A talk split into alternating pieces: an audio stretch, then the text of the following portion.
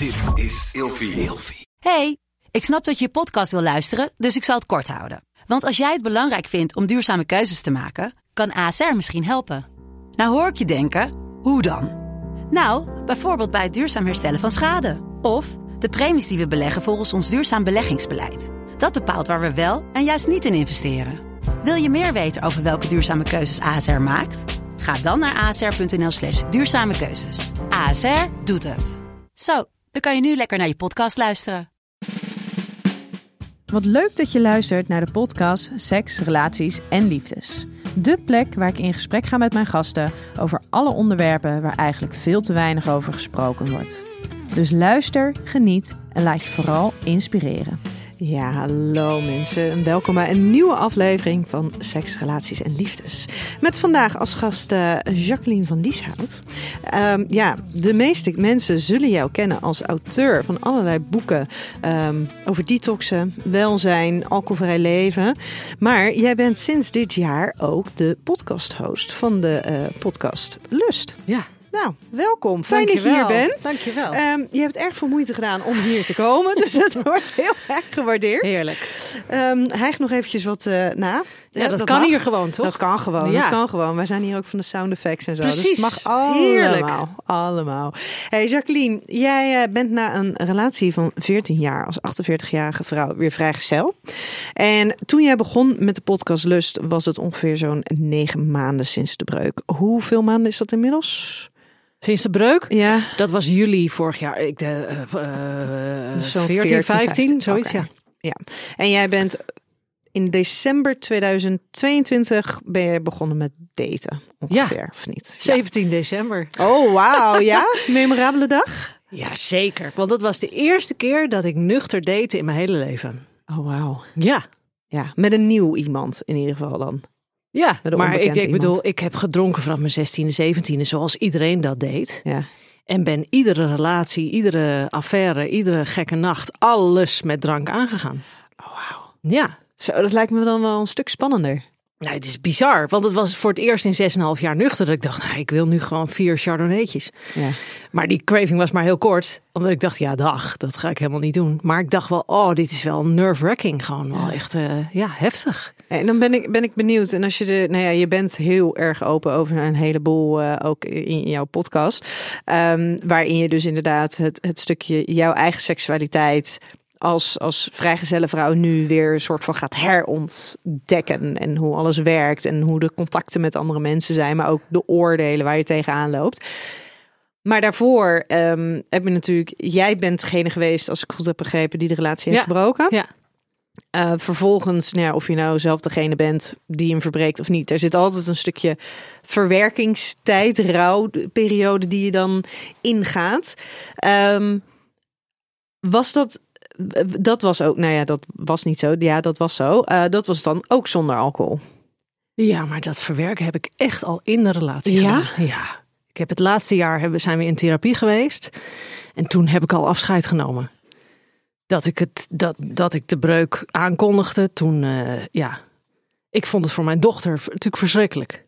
Om dat te vertellen. Dat was rouw. Voor Ja. haar. De breuk van haar gezin. Ja, maar Ja. voor mij persoonlijk nee. Nee? Nee. Oh, dat lijkt me op zich wel heel prettig ook weer. Ja, maar ja, dat komt ook omdat ik al heel lang wist, dit gaat het niet worden. Al jaren. Heeft het uh, veranderende alcoholgedrag daartoe bijgedragen? Ja, dat denk Door ik de wel. inzichten? Ja, dat denk ik wel. Zeker, kijk, ik, ik help ook al zes jaar mensen met, bij een alcoholvrij leven. En het is shocking, zeker hoeveel vrouwen ik spreek die zeggen... ja, uh, als ik niet drink op vrijdagavond, dan zie ik het niet zitten om uh, te seksen met hem. Dus alcohol wordt daar ook voor ingezet. Ja, Ja, ja bizar hè? anders heb ik geen zin. En dan kun je nog heel lang denken... ja, maar ik heb dan zelf geen zin. Maar uiteindelijk betekent het, ik heb geen zin in hem. Ja. Nou ja, ja, ik kan me voorstellen dat de ervaring die jij hebt besproken, dat het inderdaad zo is. Maar is natuurlijk in andere situaties hoeft niet zo. Tuurlijk niet, maar dat is wat mij wekelijks Ja. wordt verteld. Ja. Ja, waar echt alcohol wordt gebruikt om Ja, een soort van Ja, eh, te lijmen. ja. Ja. Zeer oncomfortabele waarheid hè, voor mensen. Ja. Hey, en na negen maanden ehm, eh, ben je gaan, eh, ga je daten. Ja. Daar heb jij vervolgens eh, heel openhartig al over verteld in de podcast die jij bent gaan maken. Was dat te snel? Was dat goed qua timing? Had het nog wel eerder gekund wat jou betreft? Eh, nee, want we hebben nog heel lang in hetzelfde huis gewoond. Oeh. Ja, nee, maar we zijn prima als vrienden daarna Ja. in hetzelfde huis, in hetzelfde bed geslapen nog eh, vier maanden. Dus prima. Nee, dat was qua timing. Voelt dat ook nu nog steeds prima. Ja. En hoe vindt jouw ex-man het dat je zo openhartig bent over zoveel dingen? Oh, die zegt wel van kijk je wel uit voor onze dochter dat je, dat je het een beetje rustig houdt. Verder zegt hij ja, jij bent wie jij bent. En hij had vrij snel een nieuwe vaste relatie. Zo Ja. is hij. Ja. Hij is daar heel anders in. Ja, want een van de dingen die jij ook beschrijft in die afleveringen is dat jij gewoon altijd al een intens persoon bent geweest. Ja, En daarin dus nu gewoon het meisje wat jij vroeger eigenlijk al was. ja, met is weer terug. Is weer terug. Ja. Alleen als we dat dan zien in een volwassen vrouw, dan lijkt dat niet helemaal te passen binnen het beeld wat we hebben van hoe je je als volwassen vrouw zou moeten gedragen. Of wat je interesses zouden moeten zijn. Nee, maar wat betekent dat dan? Dat je op de bank moet zitten en met een witte legging en crocs en je haar kort geknipt? Ik heb geen idee. Nou, als ik zo eh, de ervaringen mag geloven die jij hebt gehad, ehm, is dat wel waar eh, mannen van jouw leeftijd ook op zoek naar zijn. Ja, eh, dat zou kunnen. Maar ja, dan, dan moet ik ze wel leuk vinden. En ik Ja. kom er toch bijna geen één tegen boven de 38 waar ik zin van krijg. Ja, dat is lullig, maar waar. Ja. En gaat het, gaat het puur om waar je zin in krijgt, of ook gewoon als mens blij van wordt? Dat is volgens mij hetzelfde. Eh, nou ja, niet alles altijd hoeft om seks te gaan. Nee, maar als ik er blij van word van iemand, dan, is, dan kun je daar ook zin van krijgen. En dan zin ook, maar ook zin in bredere zin van het woord. Dat je er vrolijk van wordt, dat je er enthousiast van wordt, dat je in beweging komt, dat je Ja, voelt Ja. dat iemand iets met je doet. ja. Ja, want ehm, een van de thema's waar jij nogal wat vragen dan wel opmerkingen over krijgt, is eh, wanneer het nou klaar is met het spelen, aanhalingstekens. Eh, en wanneer je weer aan een serieuze relatie gaat beginnen. ja. En daar gaan we eigenlijk eh, een beetje over hebben. Want waarom is daten niet serieus? Waarom zou je na zo'n lange periode in een vaste relatie te hebben gezeten, Ja. waarvan je dan denkt, ja, kennelijk kan je dat gewoon. Ehm, waarom zou je dan weer aan een vaste relatie moeten? En wat is dan een beetje een soort van de tijdspanne die men in gedachten heeft, waarop je dat dan weer moet doen? Maar ook, waarom is het daten met jongere mannen niet serieus? Ja. Waarom nemen mensen dat niet serieus? En waarom lijkt dan toch een serieuze relatie nou altijd het einddoel te zijn? ja. Ja. Is dat, is dat zeg maar voor jou een beetje iets waar je echt wel tegenaan loopt? Dat, dat Nou, ik loop er niet zozeer tegenaan, maar het valt me op dat mensen vragen van, eh, goh, eh, heb je al een vriend? Nou, dat vind ik een heerlijke vraag. Dan zeg ik al. Is dat dan dus een doel? En dan zijn ze eigenlijk een beetje verbouwereerd. Dat zijn ook wel vaak mensen boven de 60, familieleden of oud-ex-familieleden. En die dan, eh, ja, van, eh, ja, maar eh, hè, mijn ex heeft dan toch ook een vriendin? Dan wil jij toch ook? En je wilt toch wel weer samenwonen? Ik zeg, nou, dat heb ik 18 jaar gedaan daarvoor met een andere vriend. Ik zeg, ik denk dat ik dat nooit meer ga doen. Ehm, dus ik heb dat niet als stip op de horizon staan. Echter, als ik iemand zou ontmoeten waar ik dat voor voel, en dat is wederzijds, dan kan dat wel. Ik sluit dat niet uit. Ja. Ik zie dat alleen andersom. Het is, ik snap wel dat sommige vrouwen zoiets hebben van ik ga in de dating game met als einddoel de vaste relatie. Hè, de samen op het strand genieten, appeltaart en weet ik veel, allemaal dat soort teksten die veel veertigers op dating apps hebben staan. Levensgenieter, bourgondier. Nou goed, in ieder geval. Maar dan denk ik, ja, ik, als ik dat ga voelen, dat zou kunnen. En dat zou ook kunnen met iemand van, van 4,35. Niet met iemand van 23. Dat weet ik nu wel. Ja. Maar jij, jij zou jezelf wel zien, gewoon dan wel in een vaste relatie met een jongere partner. Oh, ik sluit dat niet uit. Ik heb daar alleen geen visie bij. Van dat het per se daar naartoe moet gaan. Het mag zich ontwikkelen zoals het zich ontwikkelt. Jij mag gewoon voelen wat je wil. Ja. Ja. Want ik ben, ben in het verleden zo snel in die twee relaties gedoken. Van nou ja, iedereen doet dat om me heen. En ik ben 30, dus ik moet dat gaan doen. Dus we moeten gaan samenwonen. Want dat hoort zo. En wanneer kinderen. En die hele zantenkraam. En nu denk ik, ja, ik heb nooit nagedacht. Wat wil ik eigenlijk? En in mijn wilde jaren twintig, dat alles een en al gekkigheid was, was heel leuk. Maar dan zwom ik wel op zeven meter diepte eh, in een bad witte wijn. Ja, leuk. Ja, en, maar en, ja. en wat wil je dus als je die wijn weghaalt? eh, of de alcohol in brede zin. En jij als volwassen vrouw dus inderdaad echt gaat kijken wat je wil. Ja, je en dan kom je dus ook tegen hoeveel programmering en hoeveel schaamte en hoeveel. Nou ja, eigenlijk die twee dingen, programmering en schaamte daarop zit. Ja. Want ja, eh, je mag toch niet zomaar als je twee weken geleden een date hebt gehad, wat eh, een hele gezellige spielerij werd op de speelweide, dat je dat na twee weken weer doet met een ander. Want stel je voor, dat is belachelijk. Ja. Dat, ik vind dat heel interessant om die dynamiek in mijn hoofd ook te horen. Ja, en ehm, volgens mij was het of in de eerste of de tweede aflevering die jij eh, eh, had opgenomen. Jij bent daar natuurlijk ook in, in gesprek met eh relatietherapeut. En ehm, een van de dingen die jij daar zelf een beetje afvroeg van... Ja, enerzijds voelt het in het daten en, en, en dan specifiek ook het het daten met de jongere eh, mannen. Alsof je weer, alsof het thuiskomen is. Alsof je bij een stukje van jezelf komt. Ja.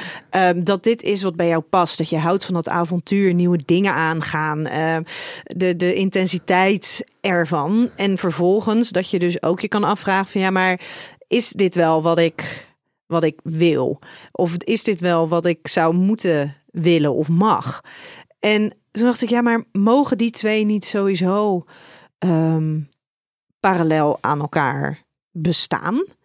Mag het niet zo zijn dat je enerzijds keuzes maakt omdat je voelt, ja, dit wil ik. Ja. Maar vervolgens, zeker op het moment dat je eigenlijk helemaal nooit echt bewust bent geweest, hé, maar wat wil ik nou en wat voel ik nou? Dat het heel logisch is om vervolgens ook je af te vragen van ja, maar wil ik dit wel echt? Is er niet iets anders wat ik ook wil of zou moeten willen? Ja, al die vragen spelen constant. Maar steeds minder van, eh, is er iets anders wat ik zou moeten willen? Ja, ik doe gewoon moeten. wat ik wil. Ja. ja. Ja, ja. Hey, als ik jou ehm, zou vragen om vijf woorden te bedenken die voor jou gaan over seks, relaties en liefdes, welke Ja. vijf zouden dat dan zijn? Kwetsbaarheid, emotie, verbinding. Kwetsbaarheid, emotie, verbinding. Ah, opwinding. Ah, en, eh, oh, die heb ik al gehad. Eh, ja, co- ja, connectie is hetzelfde. Dus ik heb er vier. Als jij kijkt naar die woorden, is dat wat jij ook vindt nu in het, in het, nou ja, het losvaste daten? Ja, met heel anderen? erg. En Ja? vooral dat eerste, kwetsbaar zijn. Want dat is dus wat ik al die jaren onder eh, invloed van alcohol dus niet heb gehad. Zo niet in mijn vaste relaties als daarvoor. Omdat ik echt, en dat is, ja, heel veel mensen kunnen zich dat helemaal niet voorstellen. Die denken dat ik onder een brug lag. Dat was helemaal niet zo. Ik was gewoon een drinker, eigenlijk zoals bijna iedereen die er heel erg van houdt.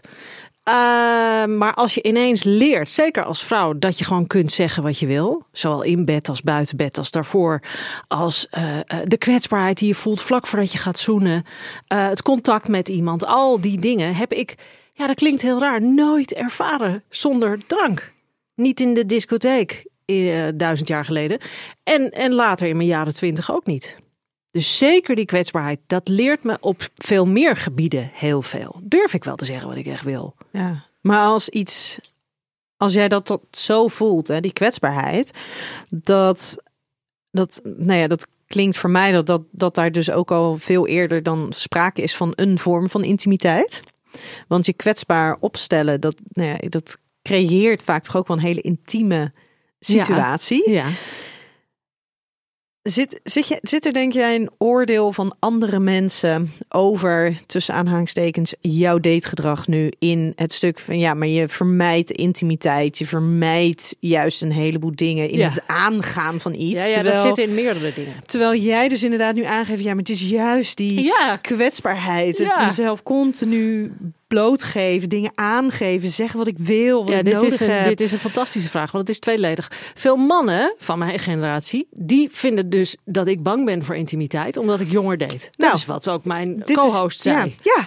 en dus, dat, daarvan dacht ik ook, oh nee, Nee, precies. Jij hebt dat dus goed begrepen als vrouw. Later heb ik ook buiten de uitzending. Toen dacht ik, oh god, ik had het in die uitzending moeten zeggen van... Come on, flikker op. Je bent 56 en je bent gewoon jaloers. Ja, maar jij wil mij... Oh, wat erg. Klap even uit. Ja, maar jij wil mij niet. En mijn golfmaatjes zeggen van... eh van vindt ze jou niet leuk? Nee. Maar, maar wil je dan helemaal niemand boven de 40? Onzin. Als hij nu voor me staat, I don't care hoe oud hij is. Maar ja, Iemand eh, moet wel dat vuurtje in jou ja. aanwakkeren. Ja, En met jou mee kunnen in, Ja. in, de, in, zeg maar in die intensiteit die jij van jezelf nu aan het omarmen bent. Daar moet iemand in mee kunnen. Ja. want inderdaad, dat werd jouw, jouw co-host die beschreef het als zijnde dat jij intimiteit vermeed. Omdat jij een, een, een, nou ja, een hele lekkere seksdate met een niet zo aardige jonge man. Ehm, eigenlijk daar een Oh, beetje ja. de voorkeur gaf boven een, een, een eh, zondagavond op de Netflix eh, op Man de van bank zit. 47. Precies, Ja, ja, een man van jouw leeftijd. En daar, toen werd hij gezegd, ja, maar je vermijdt dus intimiteit. Toen dacht ik, nee, want je gaat die intimiteit heel erg aan. Want je loopt in je onderbroek door dat huis en je gaat naar de wc en je Ja. pakt je kopje thee. Dus je gaat die intimiteit heel erg aan. ja, Maar jij hebt nu even iets anders nodig. ja. Precies. Dank je wel. Dank u, dokter. Dat heeft u goed gezien. Dat is ook zo. Ja. ja. Ja, nou, ik, de, de, ben ik blij dat we dit dus nog even... Want, Zeker. Ja. Nee, daar ben ik het helemaal met je, eh, met je eens. En er komt nog een moment dat ik dat, ik dat ter tafel kan brengen. Ja? Ja, en dan is het ook van ja, maar is dat dan wel serieus? En ik wil, ik heb het nu al een tijdje heel erg leuk met iemand van 36. Ja, ik, en dat is ook een vader. Eh, ik merk ik denk een beetje, ik vind het moeilijk om heel zwart-wit te denken, maar ik denk een verschil te zien tussen mannen die vader zijn en niet. Dat er toch een Oh, die kan ik ontwikkeling. beamen. Ja, Ja. daar zit een, een, een ander verantwoordelijkheidsgevoel bij.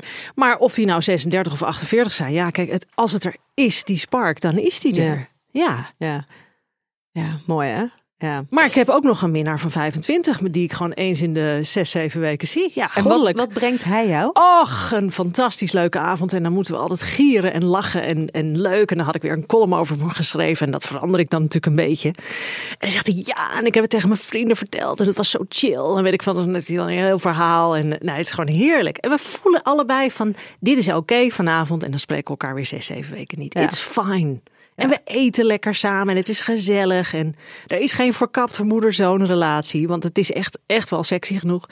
Ja, het is gewoon heel leuk. Ja, maar daar zit dus ook weer een vorm van intimiteit in. Want je hebt dus niet enkel en alleen seks met hem.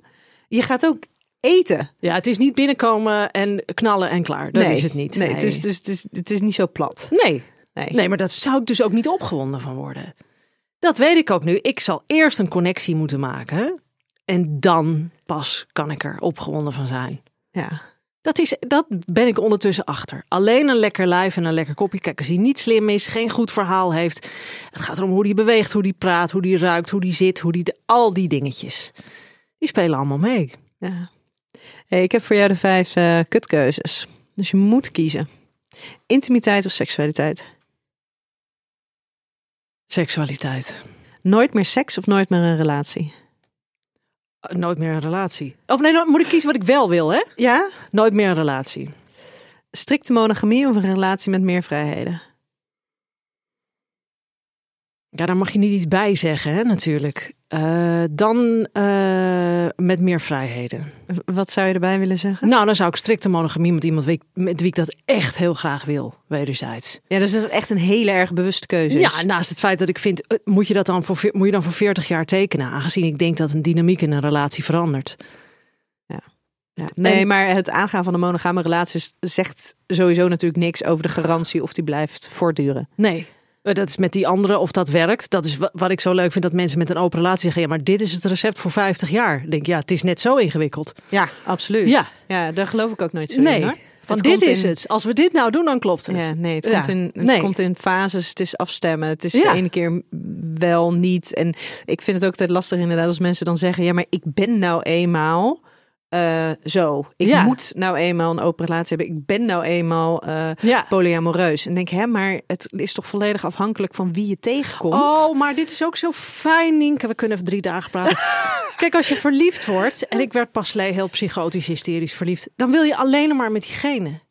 Dan vind je het prima om iedereen aan de kant te schuiven. Dit is het, dit is fantastisch.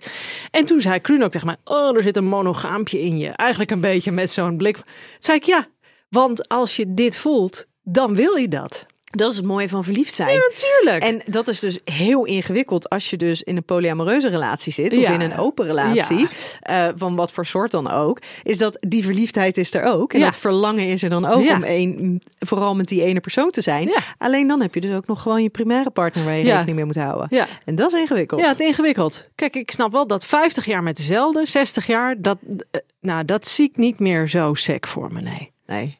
nee. Oeh, dan ben je ook wel al zeg maar. Dat weet ik ook niet meer. oud. Nou, de vrouwen in mijn familie worden 98. Nou, dan volle sterkte, net. dus Dan red je wie weet. ik zeg ook altijd tegen mijn jonge lovers van schat, maak je niet druk, want eh, Ik heb nog 6, 50, 60 misschien ga jij wel eerder dood dan ik, dus eh, don't worry. Verleiden met woorden of verleiden met bewegen? Verleiden met woorden, ja, heerlijk. Ja. Brieven, verhalen, ja, goddelijk. Appjes, fluisteren, oh, het is allemaal heel fijn. Eh, Alleen Heel in het geven of ook in het ontvangen? Allebei. Ja? Fantaseren of erotische verhalen lezen? Fantaseren. Mooi. Hey, ik heb eh, vijf stellingen en ik ben, een heel, eh, ik ben echt oprecht heel benieuwd hoe je daarover denkt. Met als thema dus het, het, het, het spelen, het daten als, als volwassen vrouw. De kans op het slaren van een relatie met een jongere man is alleen al kleiner door het stigma dat er overheerst. Nou, dan zeg ik direct dat is het voor mij niet, omdat ik daar geen last van heb. De voorwaarde is wel dat die partner dat ook heeft. Ik denk dat je dan een heel eind komt.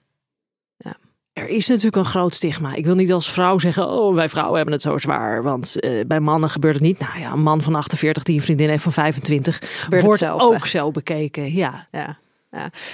Zou, zou jij, eh, zou jouw omgeving, jouw directe omgeving, ehm, het helemaal oké vinden dat als jij dan toch dat einddoel bereikt hebt, namelijk weer een serieuze relatie, ja. ehm, dat dat met een man zou zijn van eh 15, 20 jaar jonger?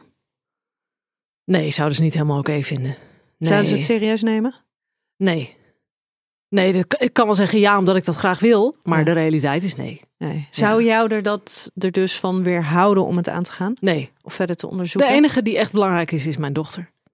Hoe zou die erin staan? Weet je nou, dat? dat? is dus de grap van de eeuw. Want ik had pas. Ze weet maar een klein gedeelte. Hè? Ze weet niet alles. Maar eh, ze, ze, ze zegt ook: Oh, ik wil niet alles horen. Ik word er gek van. Ze is 12.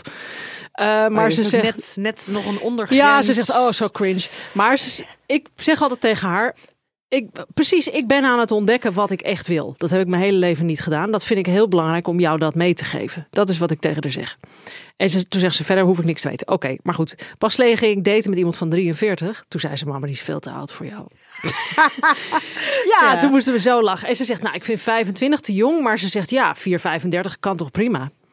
Ja, maar ik zeg, het ligt toch aan de persoon? Ze zegt, precies. Dat vind ik dus ook. Ja. Dat Ja. zegt zij dus. En, en hoe staat haar vader daarin? Die heeft al heel vaak tegen mij gezegd: Je hebt echt een jongere kerel nodig. Maar ik denk dat hij dan bedoelt maximaal tien jaar jonger. Ja. Ja, niet veel eh, gekker. Je levensgeluk vinden is inherent aan het aangaan van een duurzame, serieuze liefdesrelatie. Oh, dat is een hele sterke. Ik denk voor, voor heel veel mensen wel. En voor jou? Nou, na 18 jaar vaste relaties waar ik onderaan de streep niet heel blij van ben geworden. Gedeeltes wel hoor. En laat ik even wel wezen, ik heb er een prachtige dochter uitgekregen en wij zijn hele goede vrienden. Maar ik heb nu daar geen romantische of verlangende gevoelens bij. Nee. Want het is ook wel bijzonder, hè? Want ehm, ik- dat jullie dus na de eh, breuk nog gewoon vier maanden in hetzelfde bed kunnen slapen. Ja, En dus in goede verhouding uit elkaar kunnen gaan. ja. Eh, dat is wel iets heel kostbaars. Nou, eigenlijk zegt het ook heel veel over hoe je al met elkaar omging. Ja, waarschijnlijk dat je ja. dus al jaren vrienden was. En Ja. dat er dus eigenlijk al heel lang ook dat niet meer was wat er zou moeten zijn. Heb jij ooit binnen die relatie die behoefte gevoeld om eh, te ontdekken wat je nu ontdekt? De behoefte, maar ik heb het niet gedaan. Heb je, is het bespreekbaar geweest? Ik heb het een keer gezegd. Zo op tafel. En eh, toen zei ik, nou, ik wil er wel wat bij. Zo bracht ik het. Lekker. Lekker subtiel op de zondagmiddag. En dan zegt hij, ja, maar ja, daar kunnen we net zo goed meteen mee ophouden. Ik zeg, ja, ik zeg, maar zo werkt het natuurlijk niet. Want ik zeg, mijn seksuele behoefte ligt toch dan echt heel anders dan die van jou. Ja. Ja, maar ik bedoel, een ander, dat kan absoluut niet. En ja, dan, dan liep dit ges- gesprek een beetje in zo'n kringetje. Maar het- ik dacht toen wel van, ja, en gaan we dit echt nog 20, 30 jaar doen? En was dat puur op het seksuele of was dat ook op andere aspecten? Nou, toen dacht ik dat het alleen het seksuele was. Nu weet ik dat, dat we gewoon huisgenoten waren. Ja. Waar denk jij dat dat. ehm, want je zegt voor heel veel mensen zal inderdaad wel het levensgeluk vinden afhangen van een eh, liefdesrelatie. Waar ligt het voor jou voor nu in? Het levensgeluk, het levensgeluk is iets heel groots. Ik vind heel veel vervulling in wat ik doe, in wat ik creëer, in de connectie met mijn dochter, de connectie met mijn vrienden.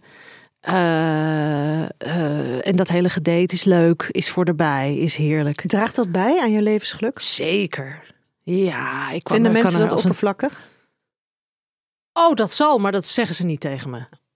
Ja, ik merk het wel eens aan, aan, aan vrienden dat ze, dat ze met zo'n gezicht zo. Goh, eh, is het allemaal nog eh, gekkigheid bij jou? Weet je wel, zo'n kop en dan eh, weet ik al genoeg.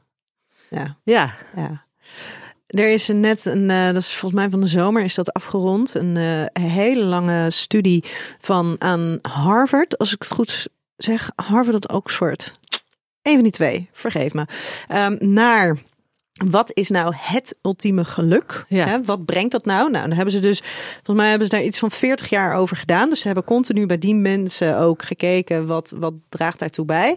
En dat blijken dus de relaties in je leven te zijn, maar Mhm. niet zozeer enkel in je liefdesrelatie, maar gewoon alle ehm, intieme, duurzame relaties die je dus in je leven ja. hebt. Ja, dat snap ik En wel. we koppelen het heel vaak aan eh, eh, inderdaad de liefdesrelatie en een partner eh, hebben in je leven.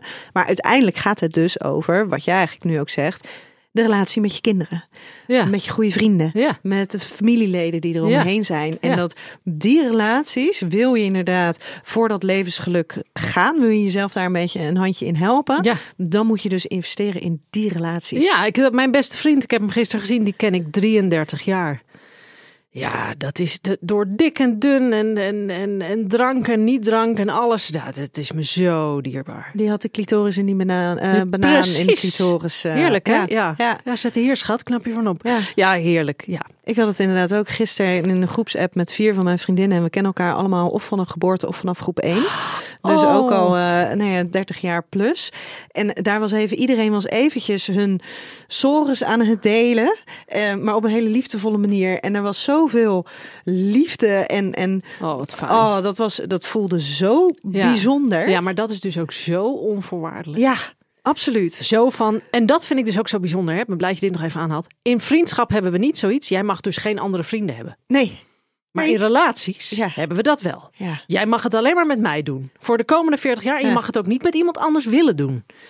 Weet je wel? Eigenlijk dat ik, ik, ik gooi die vraag ook steeds op bij mensen om me heen. Van het is eigenlijk heel raar. Ja, en als je het dan hebt over dat houden van. Als mensen dan zeggen, ja, maar ik kan niet van meerdere mensen tegelijkertijd houden. Dan denk ik, dat is echt, dat is de grootste onzin die er is. Ja, dat is echt onzin. Want als ik, als ik inderdaad dan daar nu eventjes aan denk en ehm, eh, denk aan de hoeveelheid liefde die ik voor, eh, nou ja, specifiek deze paar vriendinnen eh, voel, die ik denk niet dat die onderdoet voor de liefde die ik voor mijn Zeker niet. man voel. Zeker niet. Het het is gewoon heel anders. Het is heel anders, Ja.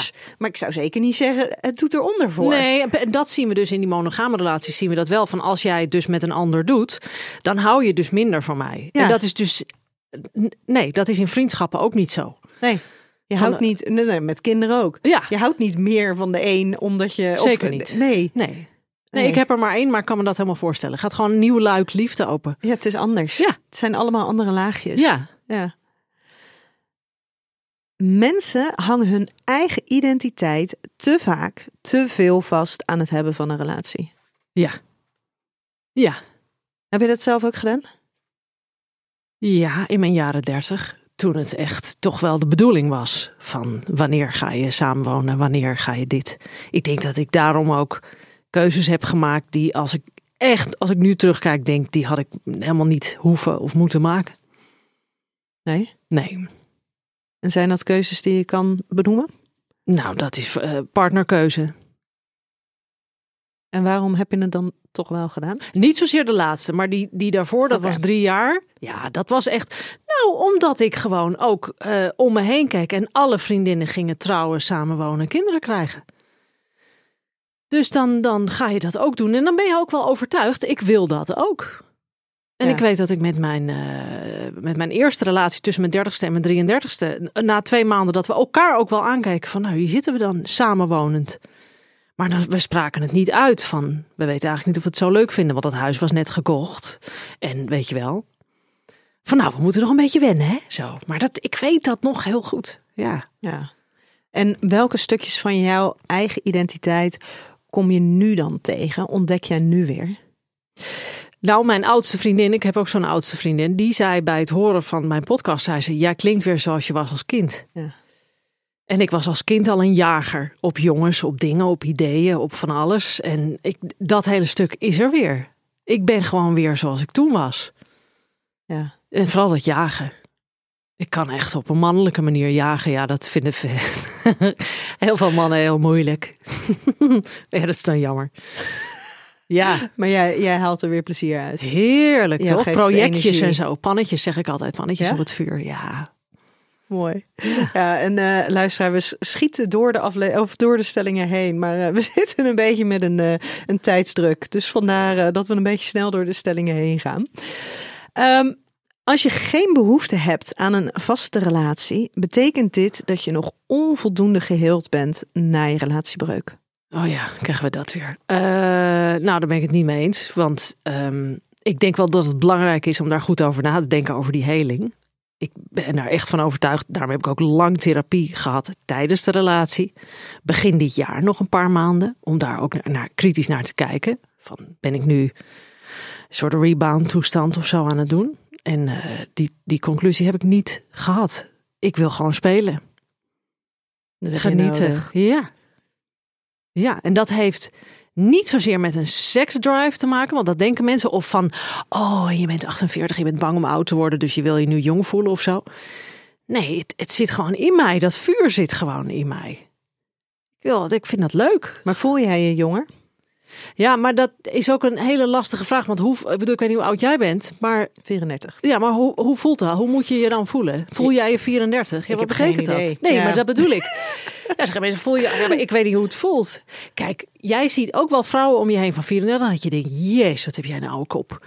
Of wat, wat ben je oud en wat doe je raar? Ik bedoel, er zijn delen van Nederland, dan schrik jij je dood als je vrouw van 34 ziet. Dat is voor mij precies hetzelfde. Ja. Nou, ik vind dat altijd wel bijzonder. Ik krijg natuurlijk in mijn, gewoon in mijn werk, dan zie ik een heel, hele grote variatie aan mensen voorbij komen, cliënten. En ehm, ja, daar, daar weet ik natuurlijk ook altijd van hoe oud ze zijn. En inderdaad, de, de enorme variatie, de diversiteit in Ja. hoe oud mensen zijn als ze zo oud zijn. Ja. Weet je, eh, de, de, eh, Ramon, mijn man, die is, eh, nee, die wordt, moet ik het goed zeggen, die wordt 43.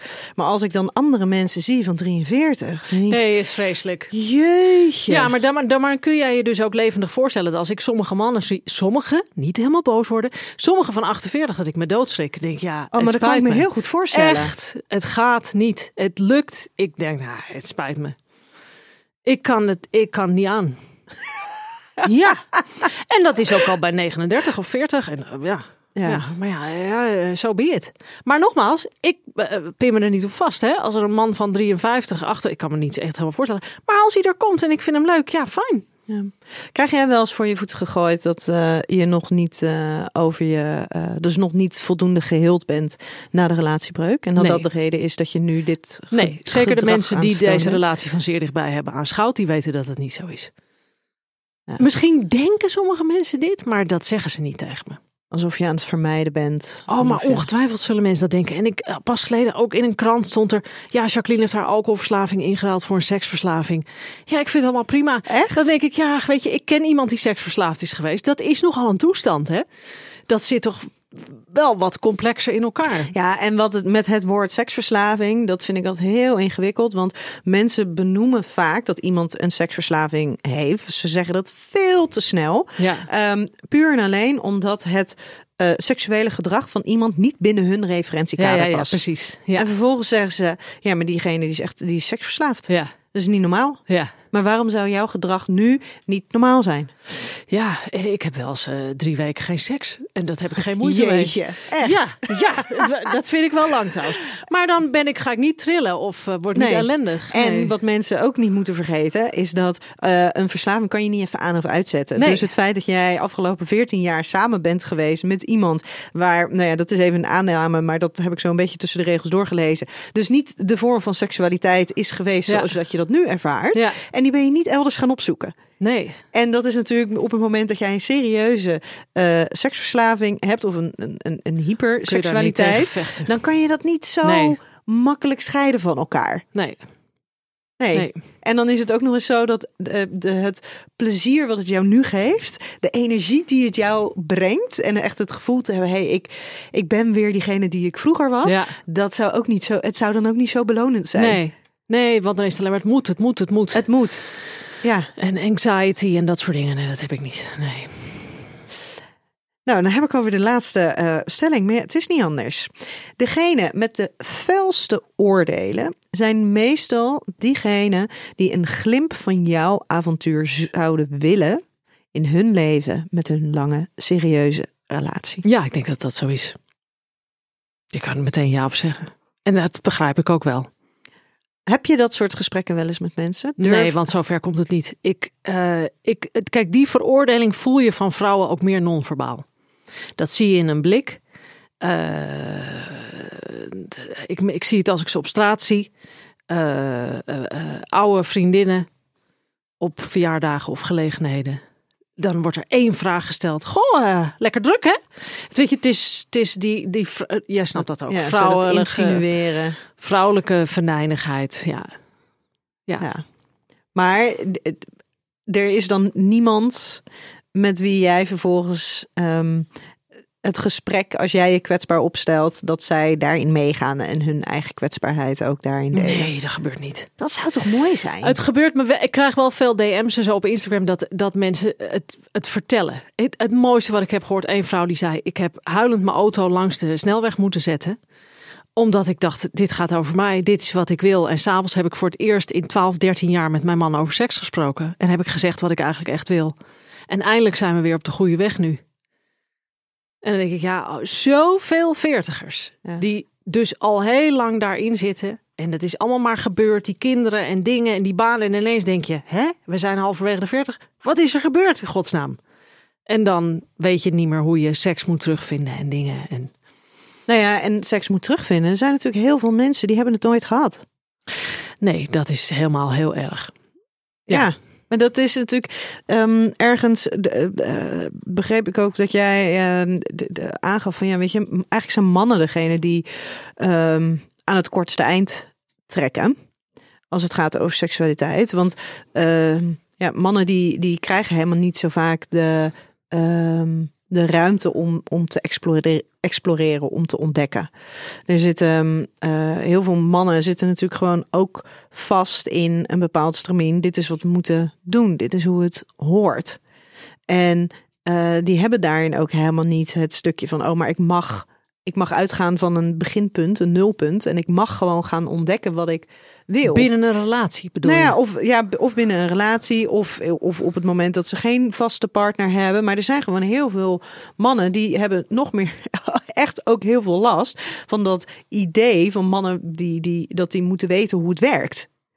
En die, Ah, oké. Dat zij, ja, zij moeten het begrijpen. zij moeten ja. het begrijpen, ze Ja. moeten weten hoe het hoort. En Ja. je kan niet aankomen eh, bij een vrijpartij met, eh, eh, nou, ik weet het eigenlijk niet Nee. zo goed, maar ik wil Nee. het graag met jou gaan ontdekken of leren. Ja. Hè, dat is enorm kwetsbaar als, als, als, als ze dat durven te doen. En het geldt natuurlijk net zo goed voor vrouwen dat het enorm kwetsbaar is als je je zo durft op te stellen.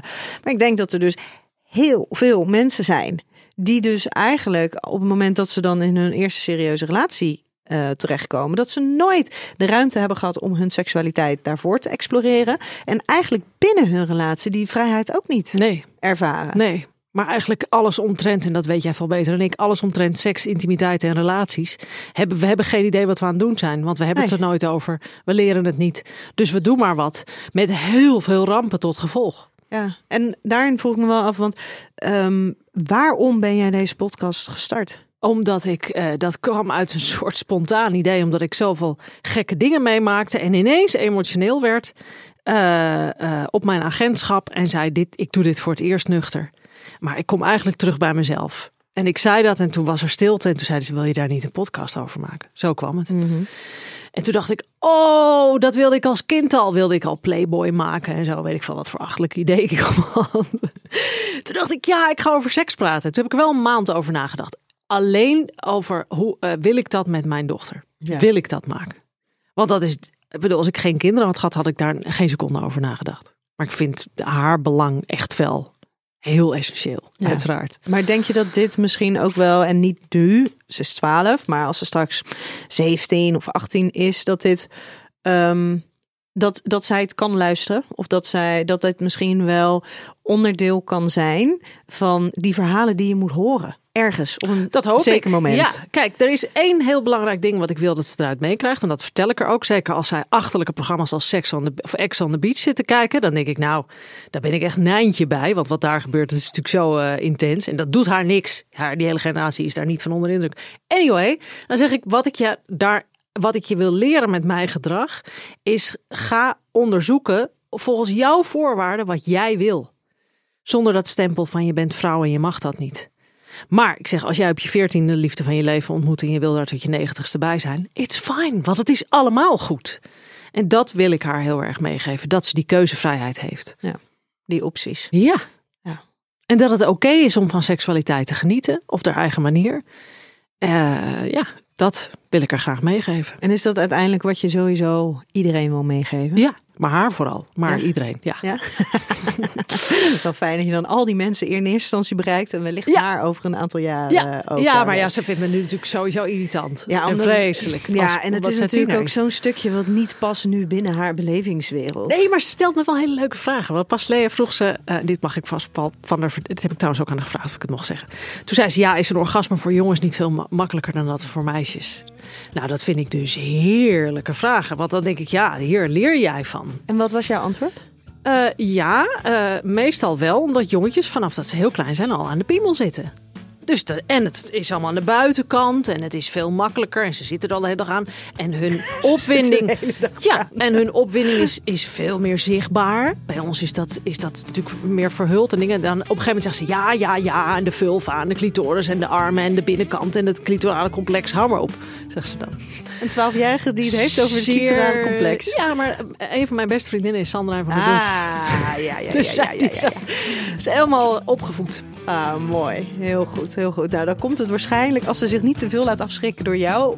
Ja, of ze zegt, ik ga er niet eens aan beginnen, Nee, aan die precies. onzin. Ja, Die kans is er natuurlijk ook altijd. Dat is een hele lastige balans. ja.